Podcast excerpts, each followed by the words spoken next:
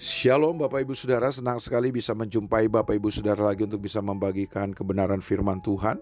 Hari ini saya akan mengambil firman Tuhan untuk kita akan melihat firman Tuhan di dalam 1 Petrus pasal yang pertama ayat yang ketiga. 1 Petrus pasal yang pertama ayat yang ketiga. Terpujilah Allah dan Bapa Tuhan kita Yesus Kristus yang karena rahmatnya yang besar telah melahirkan kita kembali oleh kebangkitan Yesus Kristus dari antara orang mati kepada suatu hidup yang penuh pengharapan. Nah, Bapak Ibu Saudara yang saya kasih dalam Tuhan Yesus Kristus, kita tentunya sama-sama tahu bahwa Tuhan kita adalah Tuhan yang selalu bekerja dengan tujuan. Dia Tuhan yang selalu punya maksud dan tujuan di balik semua yang dia kerjakan, termasuk waktu dia menciptakan manusia. Dia menciptakan manusia dengan tujuan, dengan maksud. Apa tujuan dan maksud Tuhan?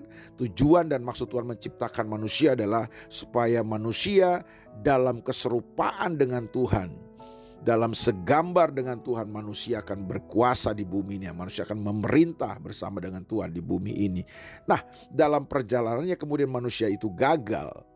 Manusia kemudian keluar dari tujuan Tuhan. Manusia jatuh dalam dosa. Itu artinya bahwa manusia keluar dari tujuan dan maksud Tuhan.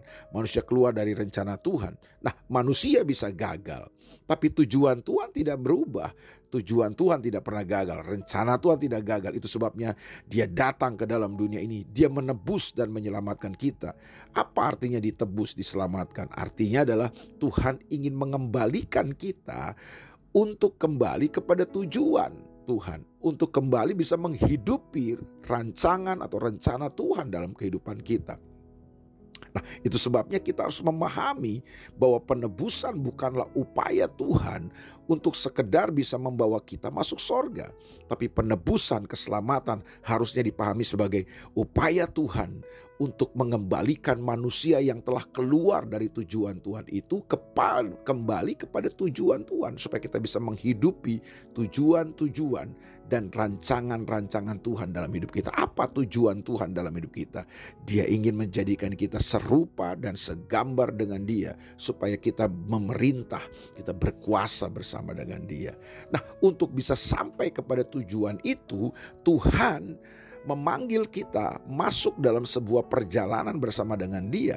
Nah, itu sebabnya Dia memberikan kepada kita sebuah kekuatan yang namanya pengharapan.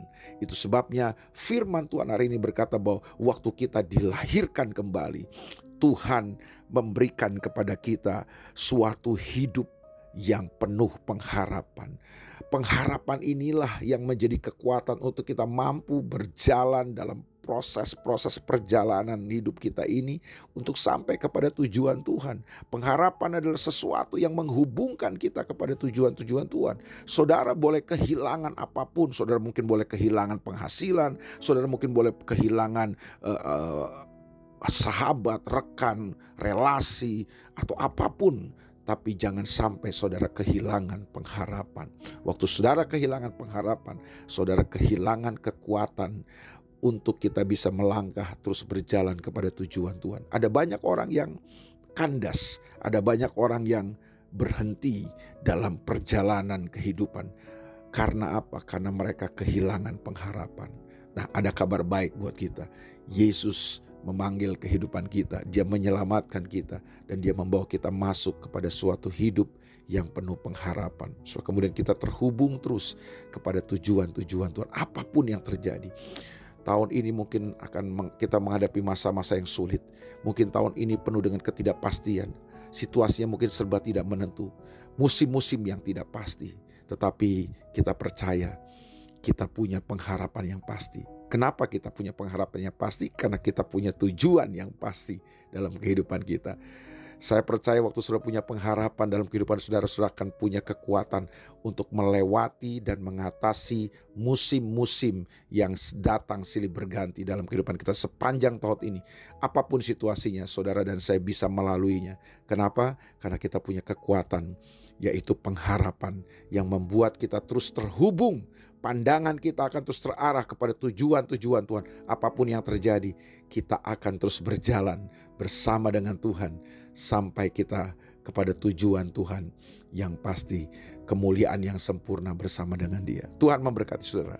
God bless you. Mari kita berdoa. Bapak dalam nama Yesus kami mengucap syukur karena kami punya kehidupan yang penuh pengharapan dan pengharapan yang kami miliki adalah pengharapan yang pasti dan pengharapan yang tidak pernah mengecewakan kami.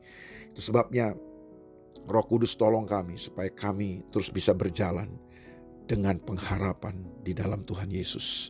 Berkati umatmu hari ini dalam nama Yesus kami berdoa. Amin.